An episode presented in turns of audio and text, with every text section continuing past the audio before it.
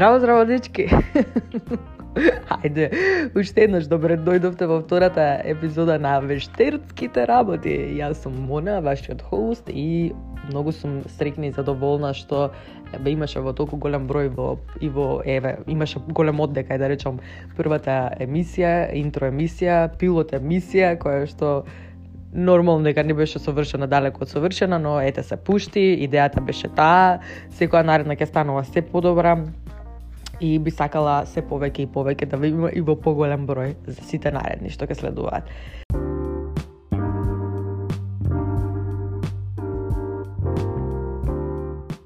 Оваа епизода се пушта во етерот од проста причина што јас темпото не го диктирам, темпото го диктирате вие Веќе добив многу прашања за тоа што се случува во овој период, ајде кажи нешто повеќе за тоа, ова, она, ова, она.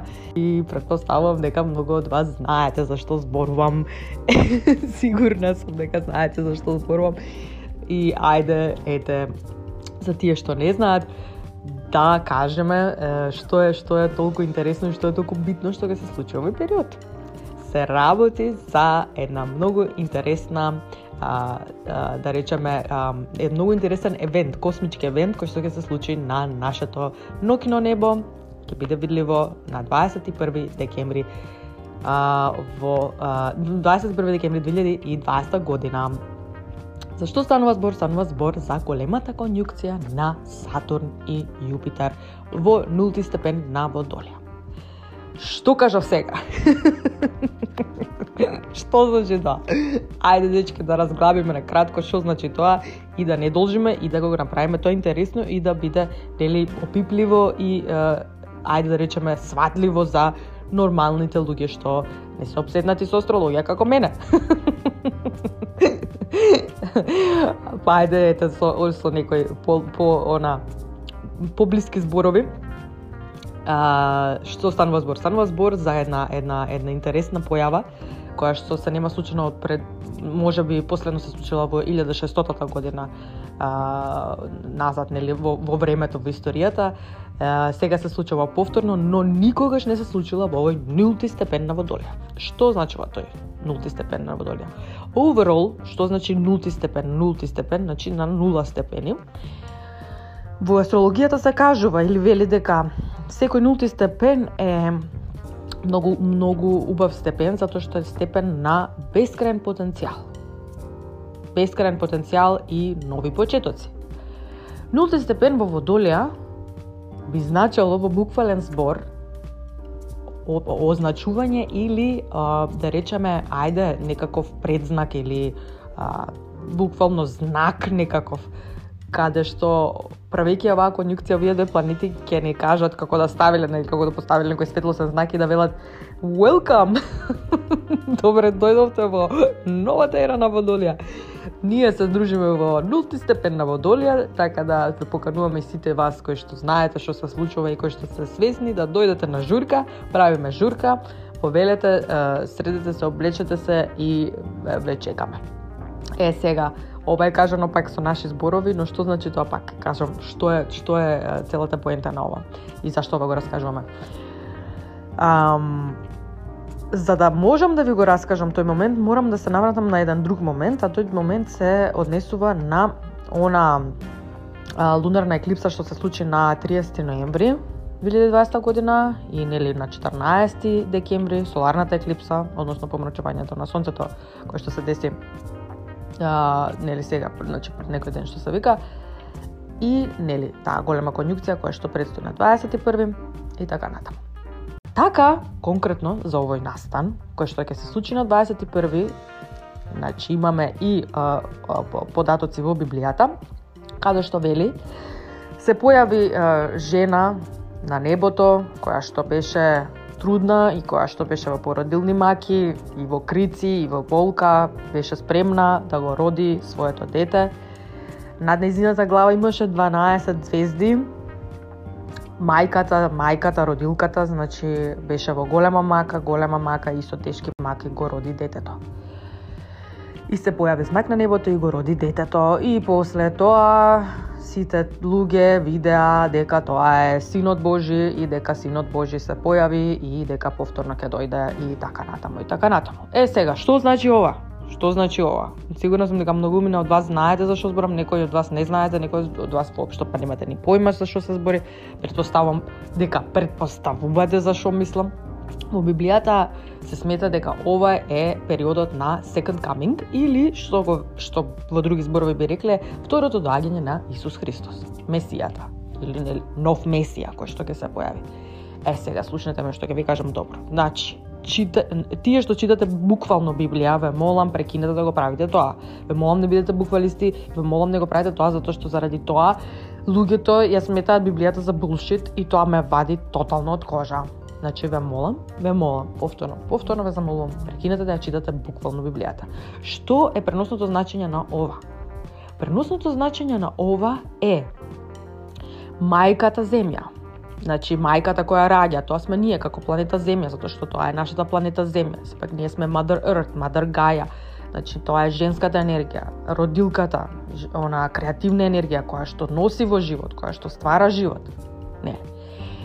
Земјата како таква поминува низ период на прераѓање, односно породилни мајки, трудна е, треба да се породи, плаче, во, во болка, во крици и така натаму. Што се случува значи на глобално ниво? Земјата е во моментов, знаете и сами во какво во каков момент, како како све се случува на глобално ниво. Што се случува? Как, каков е светот? Болест, болка, распаѓање на систем, распаѓање на све што е познато, значи, но доаѓање на некои нови работи кои што се непознати за нас. Значи, во буквална смисла светот е in fucking, in a fucking big mess. Едноставно, мислам, не треба никој да е некој, не знам каков научник или а, паметњаковиш за да го разбере исто. Мислам, јасно и се гледа. Не. Нормално, ке со најголем осврт на, на COVID како таков, кој што е, нели пандемијава што се деси, нели што се задеси и така натаму, па го поремети комплетно светот од од, од срши цела оваа 2020 година, нели самите бевте сведоци дека беше стварно страшна и чудна година што никогаш до сега не се случила. И не знам како очекувате да се вратиме на нешто што, што било од претходно. Значи тоа не постои, верувајте ми, не постои од овој момент навака само ќе се менува. Јас сум само тука да ви го кажам тоа, самите ќе го согледувате. Немам јас ништо ни да измислувам, ни да продавам приказни, ниту па некој да убедувам у нешто. Вие сте доволно возрастни, имате свој памет и свој разум, размислувајте и резонирате за сами себе. Моја да ги кажам работите кои што се изнесени како податоци, како некакви си ете а, информации и тоа е тоа. Секој си има своја глава и секој си има свој разум и ќе си резонира сам за себе. Ето така, у поглед на тоа. Да се навратиме на, на, на версот, нели, како што реков, значи жената во породилни маки не представува нас како планета Земја, која што сме во прерод, природба, а, во болки, во породилни болки, нели, нормално најтемно е пред да да биде да дојде зората, нели, нај најтемните најтемните мигови во на ногите се точно пред моментот на зората. Значи во превод најтешките породилни болки и маки на новата земја која што доаѓа или новото општество која доаѓа се се точно во овие моменти и нашата планета Земја, мајка Земја со 12 звезди над глава, кој што по превод би значило 12 знаци на зодијакот, меѓу другото, но и uh, ancient или uh, древниот uh, систем на 12 чакри кој што постоел Јас го знам од Египет, значи египетскиот древен систем, но го има и во многу други религи, религии споменат како таков. Се работи за а, оној систем на, на 12 чакри, што всушност представува м, комплетно full body активирање, односно светлосно активирање на нашето светлосно тело или а, во превод а, ДНК асценција или во превод будење или во превод растење на ниво на индивидуалец, отварање очи, будење на третото око пред се, но меѓу другото и на сите други чакри и развивање во повисока верзија на самите себе ако ме пратите за што зборам.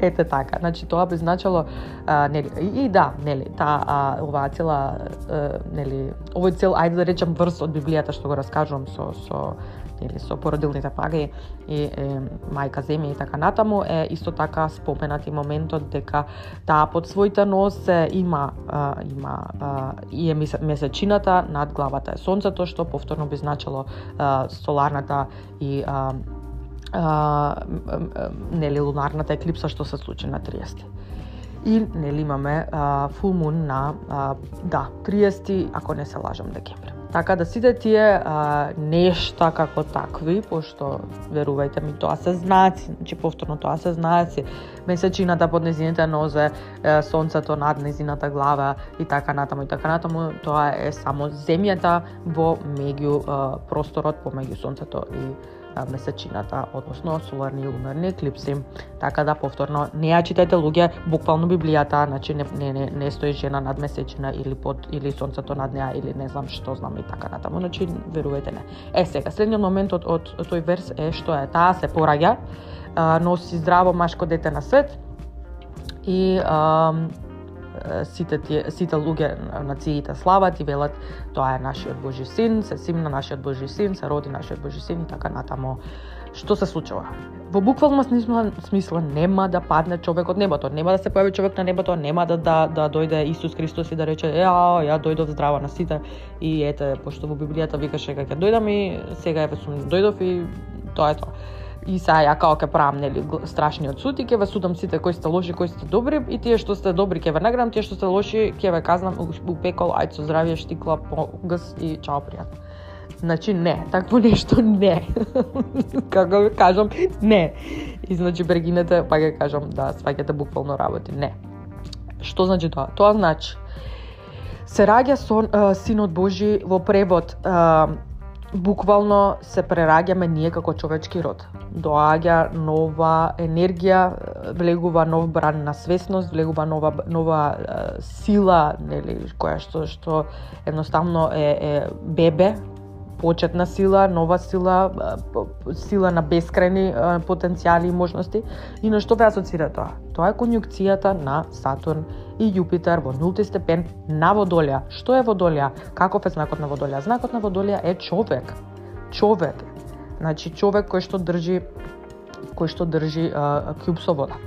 Така да човек, човештво, синот Божи, и така натаму и така натаму. Што значи тоа? Почеток на ерата на Водолија, ништо друго. Значи дечки, почеток на ерата на Водолија или нели означување неста, доаѓање на синот Божи, доаѓање на нов месија и препор, препород на нас како човечки род и татара татара и татара татара, значи сведете го како сакате, сквртате го како сакате, свртате ја топката како сакате, поентата е таа, значи поентата е таа, значи најбитното е да знаете дека после 21 декември имаме портал, 4 дена пред 21 декември, 4 дена по 21 декември. Тој портал ќе биде отворен, се работи за ништо повеќе од еден преод на нашето човештво и на нашето битосување кон повисоки фреквенции или едноставно како бебиња, како како нели, како мајка што рага дете,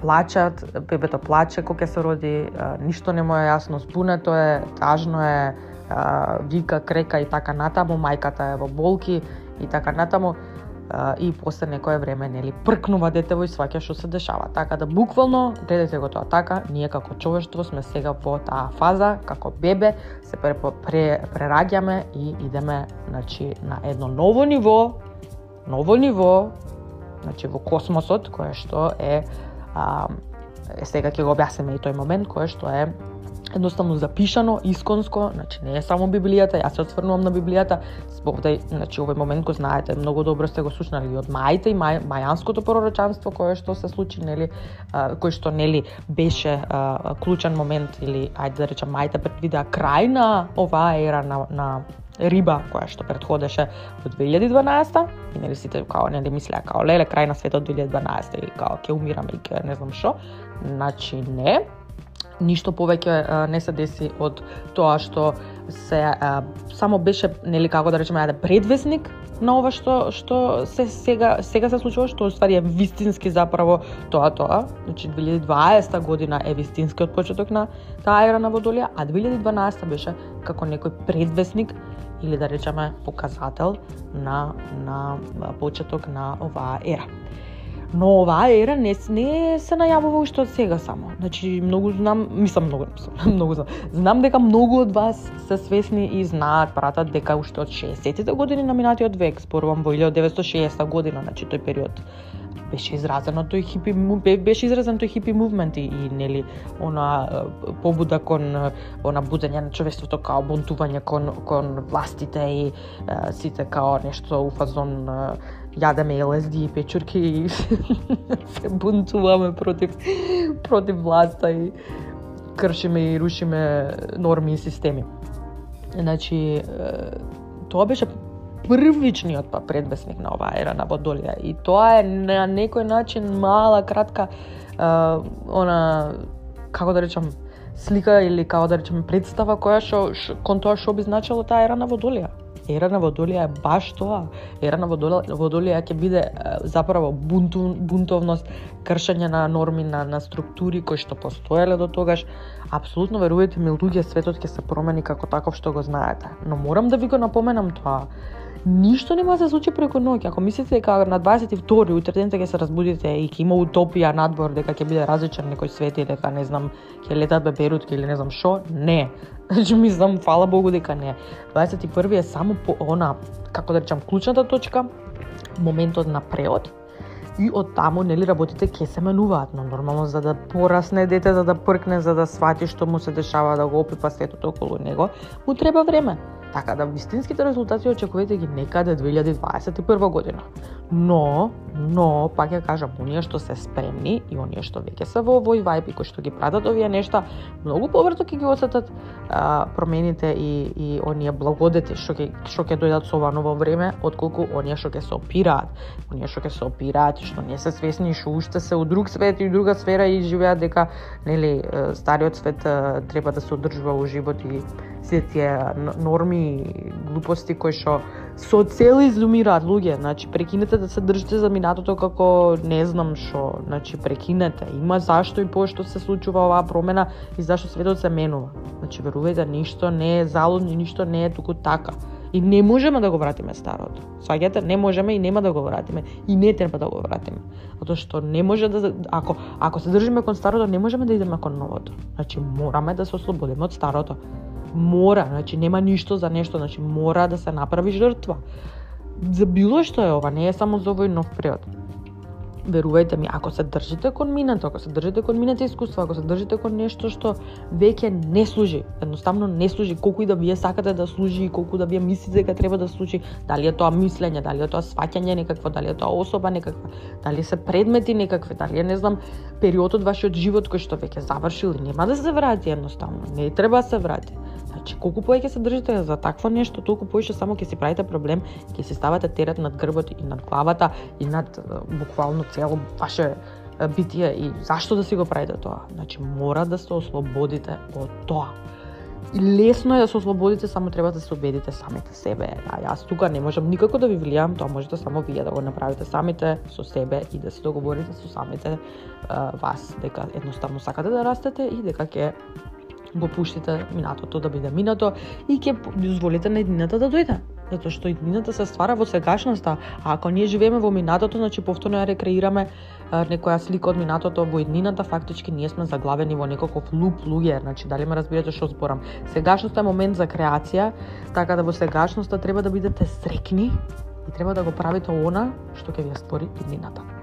Така да be conscious, луѓе, бидете свесни и а, бидете во сегашниот миг, не знам, джабе сите тие мислители и гуруа и а, не знам, оние, а, како се вика, коучес, лайф коучес и шо и да е, она, а, говорници и така натаму спиритуални, велат истото, го велат истото, значи живете во сегашниот момент, не затоа што ти си некој Харе Кришна гуру и не знам си таму Буда и слично или Исус, него затоа што ти во сегашниот момент или во сегашниот миг креираш.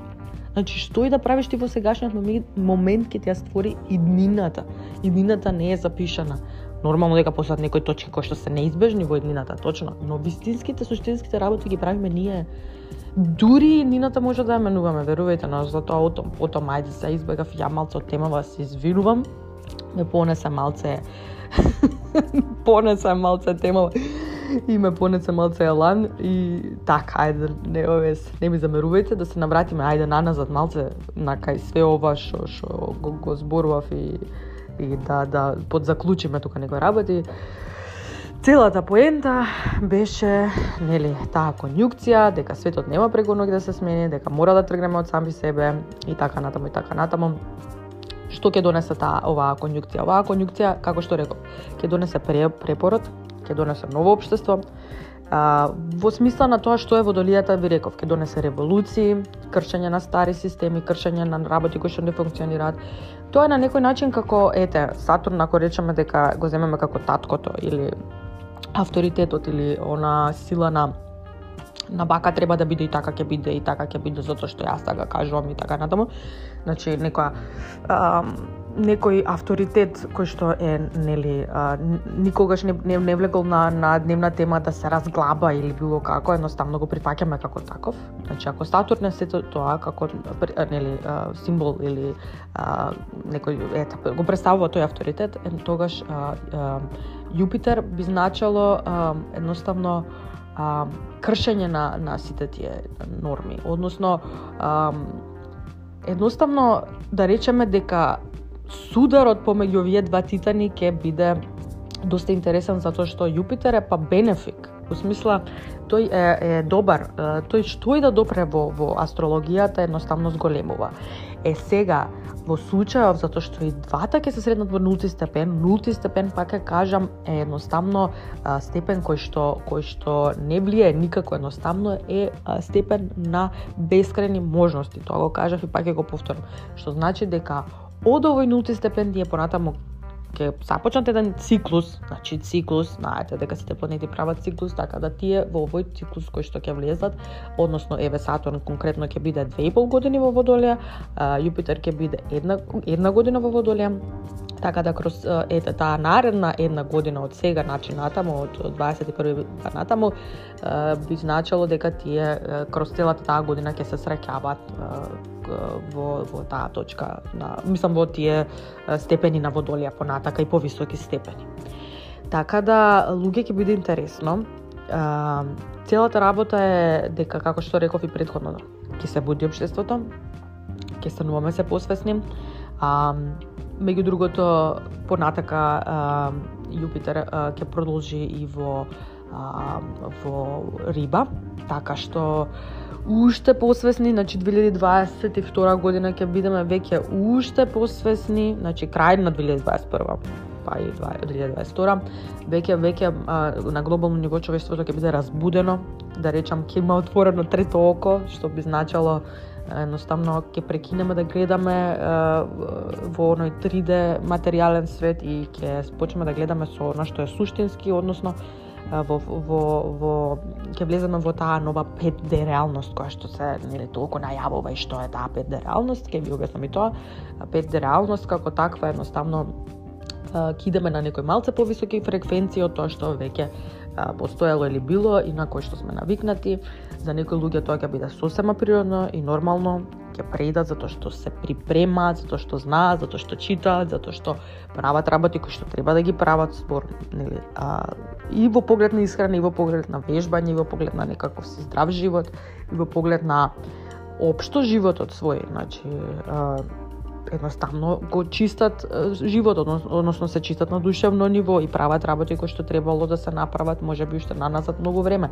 Но ете, еве, барем јас лично, еве ќе ви кажам, имам имам правено муабет со многу пријатели и познаници кои што поготово оваа 2020 2020 година ги осврте кон тој тој момент на нели ајде да речам и градинарство, растенија, не знам, наоѓање на некое хоби, наоѓање на нешто креативно интересно кое што кое што до тогаш може би ги влечело, може и не ги влечело, ама ете сега во 2020 година дојде спорно место за тоа. Така да ајде пак да, да, да не бегам од темава да се навратам. Значи, луѓето кои што се спремни ќе го прифатат овој бран, ќе се преде на, на, кај тоа општество, но, но, но, пак ја кажам но, но, но, но, ќе постои нормално и друга антигрупа како што и секогаш мора да се дешава дуалност, пошто се уште сме планета на дуалност или црно и бело и јинг јенг и така дале. Така да ќе има секако и нормално една друга страна на луѓе која што нема да го прифаќа овој бран, која што се уште не е свесна дека овој бран постои, која што е затрупана во во, во дели одврски, во работи кои што кои што нели нормалниот човек ги прави она day to day life и едноставно немаат време ни да прочитаат, ни да видат, ниту да се, да се информираат, ниту ги интересира можеби едноставно оваа, оваа цела работа. Така што апсолутно верувајте ми, ете, и сите вие што го слушате сега ова, верувам, значи свесна сум дека знаете такви луѓе, може би тие се ваши пријатели, може се непосредна ваша околина, може може се фамилија, може се не знам, X било која особа која што ви е драга, па и не. Така што едноставно верувајте ми, прекинете, одма ќе ви кажам, значи прекинете го фокусот кон тие особи, колку можете повеќе пробајте да се дистанцирате од тие особи, у смисла на тоа работете на сами себе, не као се ај чао ја тебе те откачувам кој те ебе ти не си свесен и чао пријатно ја сум се Куру Харе Кришна и ќе и да му високи чакри тебе кој те ебе. Извинете ми на речников, простете. А, пошто не го едитирам ова ке да све лайф јебега се избирувам повторно. Така да овај да се навратам нели? Така да овај муабетов е нели пуштите ги сите луѓе да бидат она што се пуштете ги сите луѓе да да решаваат за сами себе, нема да направите ништо ако ако некого се обидувате со сила да му раскажете нешто или да му пуштите нешто. Или да не знам му пуштате видеа или да му пуштате неам појма што и да е слики или му абети да му правите било какви вакви или онакви, едноставно некои луѓе не се спремни да го направат тој период, нема да го направат тој период. И тоа е сосема во ред. А, верувајте ми, мора да постати тие луѓе. И тоа е тоа за нив лично ќе биде тешко искуството, за нив ќе биде тешко затоа што тие ќе се мачат, ќе продолжат да живеат во стари парадигми, ќе продолжат да живеат во стари сваќања и така натаму, значи тие ќе се одигруваат својата реалност како што и вие ќе се одигрувате својата реалност. Единствено што може да направите, доколку таа особа ви е драга, е да работите на сами себе или она што викаат. А, не можете да турите во туѓа чаша доколку вашата е празна. Значи, потрудете се вашата чаша да ја наполните и од после тој момент, значи од после нели она кој ќе биде момент на на на, на вистински она ниво на, на, на да се наполни, да кажам на некое добро ниво чашата, тогаш тогаш решете се да да да претурате на другите. Затоа што со полупразна чаша, ем вашата ќе се испразни, ем таму нема да стаите доволно, ем никаде ни вака, ни така, ни ово, онака беше имаше некоја поговорка. Така, ни така, ни вака, не ви треба тоа. Верувајте ми, единствено што може да направите во оваа ситуација е само фокус на себе, работа на себе и преку таа работа на себе и преку тој фокус на себе ќе инспирирате луѓе околу себе кои што ќе видат реални резултати Значи зборуваме за реални резултати, не зборуваме за wishy-washy thinking и, и глупости некакви си. Не, реални резултати со кој што кој што вие ќе ги направите, зборувам, за што зборувам, еве сега, значи, тоа е веќе третата точка што сакам да опфатам и слушате многу опрезно. Како ние треба да се спремиме за оваа конјукција и сите нели сака слушате и супер наш како ќе предеме ние као општество и јао, на нешто ќе се спојат конјукции, а, што е тоа и така дале. Ќе се деси некаков нулти степен на водолеја и дндра мндра и супер све некој што имам ја тој како ја да бидам дел од тој што треба да правам и како понатака се понашам. Понашај се природно. Ни, ништо посебно не треба дечки да правите, освен тоа да бидете свесни, нели да знаете дека тој момент ќе се случи дали сте вие на едната или на другата полутопка од планетата Земја, тој тој момент ќе се случи. Значи небитно е дали сте крал, цар или сиромаштија жива или мислам не знам, сега ви карикирам, споредувам работи, значи се додека сте човек, човечко битие и сте на планетата Земја, оваа работа ќе ја осетите затоа што оваа работа е неминавна, запишана е во многу во многу древни е, книги, списи, е, цивилизации е, кои што се бавеле со сето тоа и религии и така натаму и така натаму едноставно таа точка, таа точка и овој момент на на конјукција е е едноставно исконски, така да таа таа работа сега ќе се случи. Тоа веќе не го споруваме. Но што што како вие да се спремите за тоа и што треба да правите? И сега да ќе ви го објаснам тој момент да за да заокружам нели да за, заклопам да склопам од од сите овие нешта што ги кажав како што реков нели нормално ќе ги има и оние кои што нема да веруваат, ќе ги има и тие и како анти антитеза на на на све ова што јас го кажувам ќе постојат. И а, ка, а, како што реков, на нив ништо не можеме да им направиме, едноставно пуштате ги да бидат, работете на себе, ако можете, колку можете, повеќе, но, но, нормално, некој од вас не можат да ги избегнат тие особи, едноставно се нивна непосредна околина, едноставно може би е фамилија и така натаму. А, е, знам дека е многу тешко и искушувачки да бидеш околу луѓе кои што се негативни, но верувајте ми дека ако фокусот го свртите кон себе, а не кон тоа како тие ви прават да предизвикуваат да се осеќате, да се чувствувате, верувајте ми дека и исходот од целата работа ќе се смени. Значи, како ќе го направите тоа? Еве, сега доаѓам до тој клучен момент или моментот на третата точка како ние да се припремиме за оваа конјукција, за овој нов свет, за ова ново општество, за ова утопија што ќе следи и така натаму. А, еве, сега ќе ви кажам, не е ништо страшно, не е ништо тешко, многу интересно и многу е лесно. Верувам дека голем број од вас веќе го прават тоа, зашто се работи, се работи за.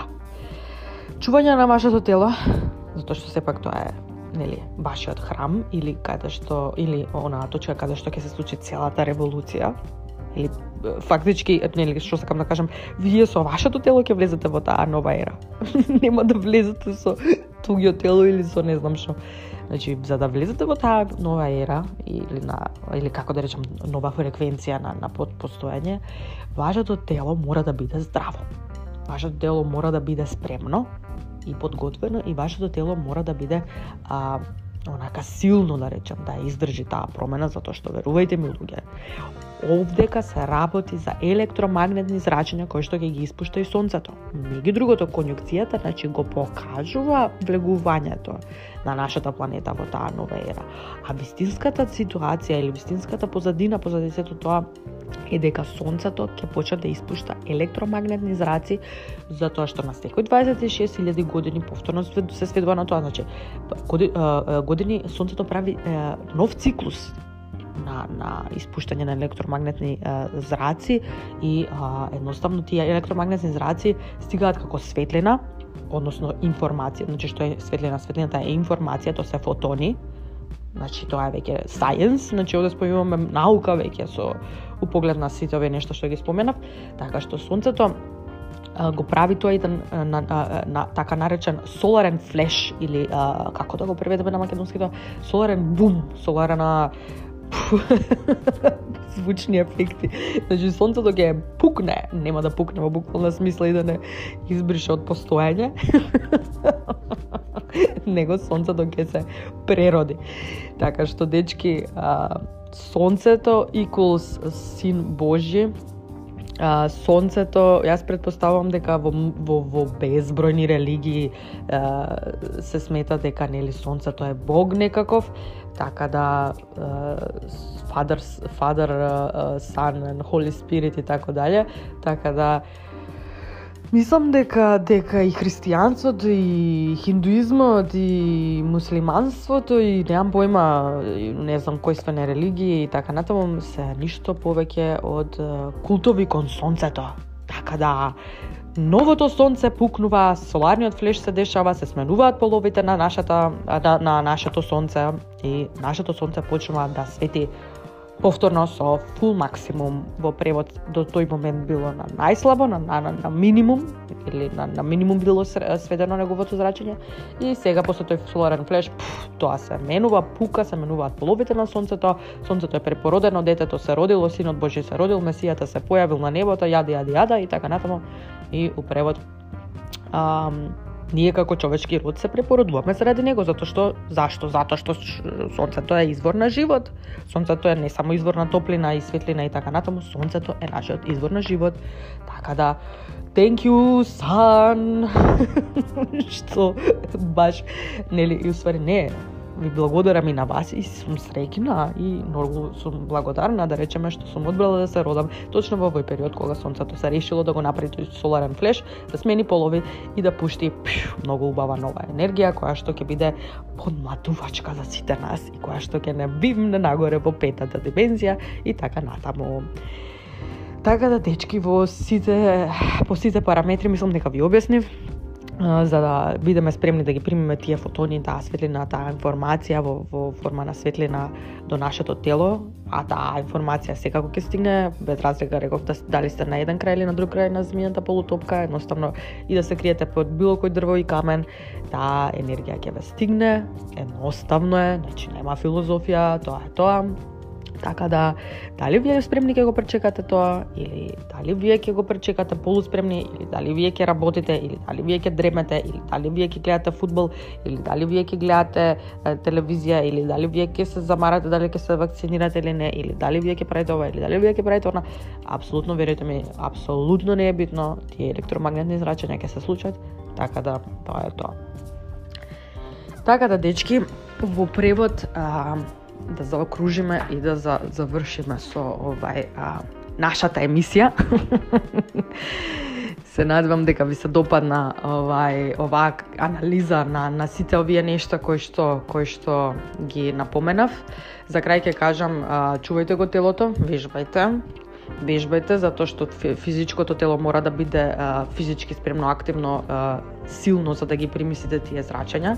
Не сакам да ви се случи како на многумина што им се случува да побудалуваат периодов затоа што едноставно премногу е силна енергијата на на оваа она мислам енергијата на оваа цела приказна и некои луѓе едноставно веќе не можат да издржат и попуштаат и нели прават некои несвојствени работи или пробуваат да се вратат повторно ке кажам на старо, а старото веќе си оди и мора да си замине и така натаму како што веќе зборев, нели го напоменав тоа, така да а, ве молам не се борете да го зачувате старото, одете кон новото, вежбајте, пиете многу течности, значи high, stay hydrated, мора да пиете течности, затоа што ние сме 70% вода, знаете, мислам, тоа е чиста а, биологија, хемија на телото, како да речам.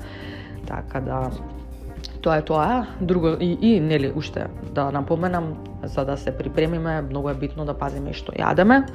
Јас не сега нормално пак ќе кажам да ви проповедам и да ви велам бидете вегани, бидете вегетаријанци и немојте да јадете месо и не знам што. Не, апсолутно ако сметате да јадете месо, јадете месо.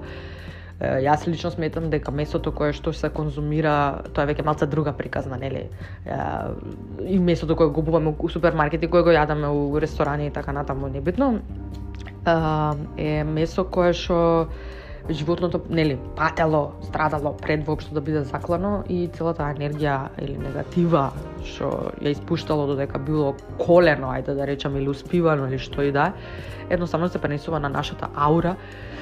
Јеби га, малце звучи може би out there, труд бомб некој, не не ќам да ве да ви правам некои такви овај нели мисли у главата, ако мислите дека треба да јадете месо, јадете месо, јас немам ништо против за, за јадење месо, но сметам дека барем еве овој период можете малце да се испостите или да се создржите од јадење месо. Значи, нека биде тоа еднаш неделно. Еве да речеме. Нема да се умре без месо. Јас мислам дека барем некој период можете да се испостите затоа што верујте ми, па ќе кажам оваа енергија доаѓа и мора да имате чисто тело, силно тело и не, значи веќе кога зборуваме и за тело и за храна и така натаму, значи телесниот момент на на на преод, преродбава што треба да се среди, а, многу е битен и моментот на а, душевно чистење. да не речам најбитен, и со тоа и ќе го завршам ова, значи тука завршувам и а, ќе ве ќе ве нели апелирам ајде да речам, а, дечки а, Пробајте да бидете сами со себе, не ги правите нештата само за да ги правите, не ги правите нештата за што така било порано или така се правело или затоа што нели како што реков другите така прават, традиција е, не знам пријателите така прават, комшијата така прави, кучето, мачето. Мислам, ме разбирате што сакам да кажам. Размислувајте со своја глава, размислувајте со гледате со своји очи, Едноставно правете ги нештата затоа што вистински осеќате и исчистете ја душата. А мене нешто што ми помогна у поглед на овој момент, а, пошто нели сигурно сигурна сум дека дека е, е малце тежок овој момент. Ова е мислам дека најтешкиот момент каде што треба да седнеме и да со самите себе да да она си направиме муабет еден реален со сами себе и она баш да си кажеме чекај малце, знаеш, како до кај сум на, со овој дел од приказната. Затоа што верувам дека многу мина од нас ги прават нештата, а не, не знаа зашто ги прават. Или, она, најди работа, земи се, почни, не знам, на, не знам, направи свадба, направи деца, пушти ги децата у школа, не знам, направи ова, направи она, знаеш, она, спреми слава, не знам, спреми, спреми ова, направи она не знам, глупости тресам некој се, али ме разбирате, значи некои работи кои што ги правиме како општество, како како на ниво на општество, ајде да речам, и на ниво на традиција може да се каже, едноставно ги правиме затоа што така ни е наложено, така правеле пред нас и така натаму. А верувајте ми, сето тоа носи многу страдање, многу а, патење, значи правење на работи кои што веќе не функционираат. Значи пробувате нешто да ставите во некој калап кој што не го не го факинг збира, сваќате? Значи едноставно оставете го како што реков минатото да биде минато. Седнете во сегашниот момент, Јас би ви дала а, насоки кон тоа, дури да извадите еден лист папир и а, пенкало и да се запишете реално кои се од оние работи кои што се супер кај вас, добри кај вас и кои се оние работи од кои што кои што знаете дека не ви носат добро и од кои што сакате да се ослободите. И едноставно бидете реални со сами себе. Исчистете се душевно, тоа на некој начин би се превело како shadow work, а, така го викаат или ете соочување со своите демони не борење со своите демони, не борење, затоа што се додека има борба, ќе има она као беше зап за зап, око за око, зап за зап, павлак за пари. Глупост. Не, да, али сакам да ви кажам, не се борете. Едноставно прифатете го на нешто што е така, а, не можете, тоа што можете да го смените, смените го, тоа што не можете да го смените, едноставно прифатете го, затоа што целта на растењето или на идењето нагоре е едноставно прифаќањето на нештата и што можам од овој момент натака да направам момент мене кој што ми помогна поглед на се ова е и физичкото чистење на просторот околу вас или во простор кај што најмногу поминувате време во текот на денот.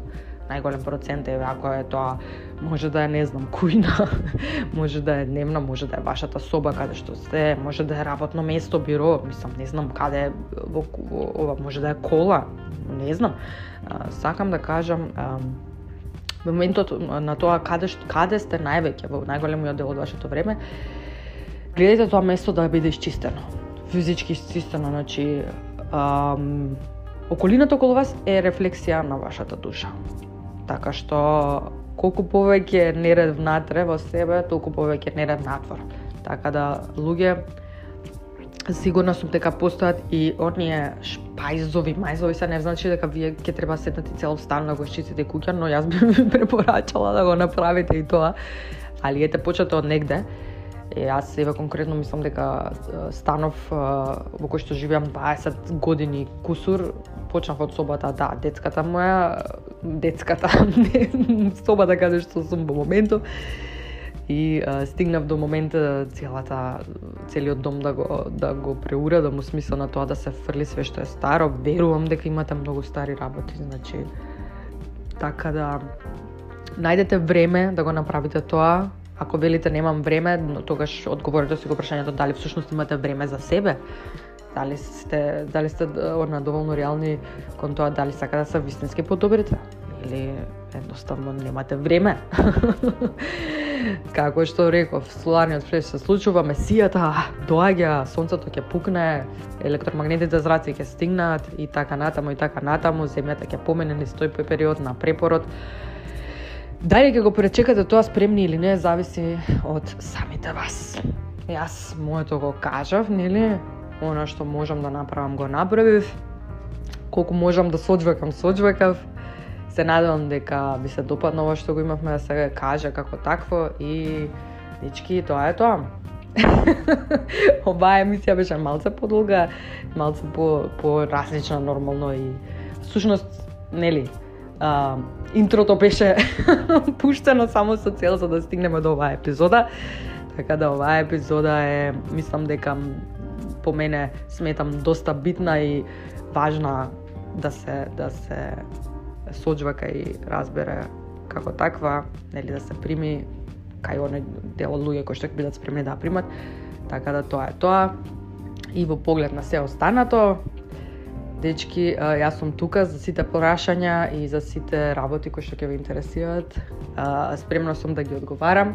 Нормално и во поглед на астрологија, знаете дека изработувам натални карти и нели соларни карти, така да во поглед на сите тие нешта може би имате нели некои лични моменти на на на а, каде треба да поработите кон а, пристапување на оваа нова ера нели препородот.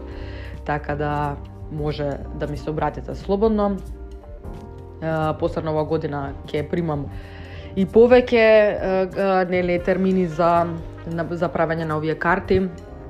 И така натаму, но на глобално ниво на глобално ниво, како, како, како човештво, како заедница, како народ, како крстете го како сагате, тие се нештото кои треба да ги знаете, така да дечки, тоа е тоа.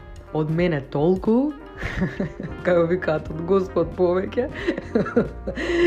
така да се надевам дека дека ви се допадна оваа емисија и дека нели ќе донесе барем некоја малце поинаква перспектива околу нештата и дека ќе ви ќе ви се свиѓа overall све што се кажа и нели фала богу се гледаме во наредната емисија со повеќе вистини и со повеќе интересни нешта.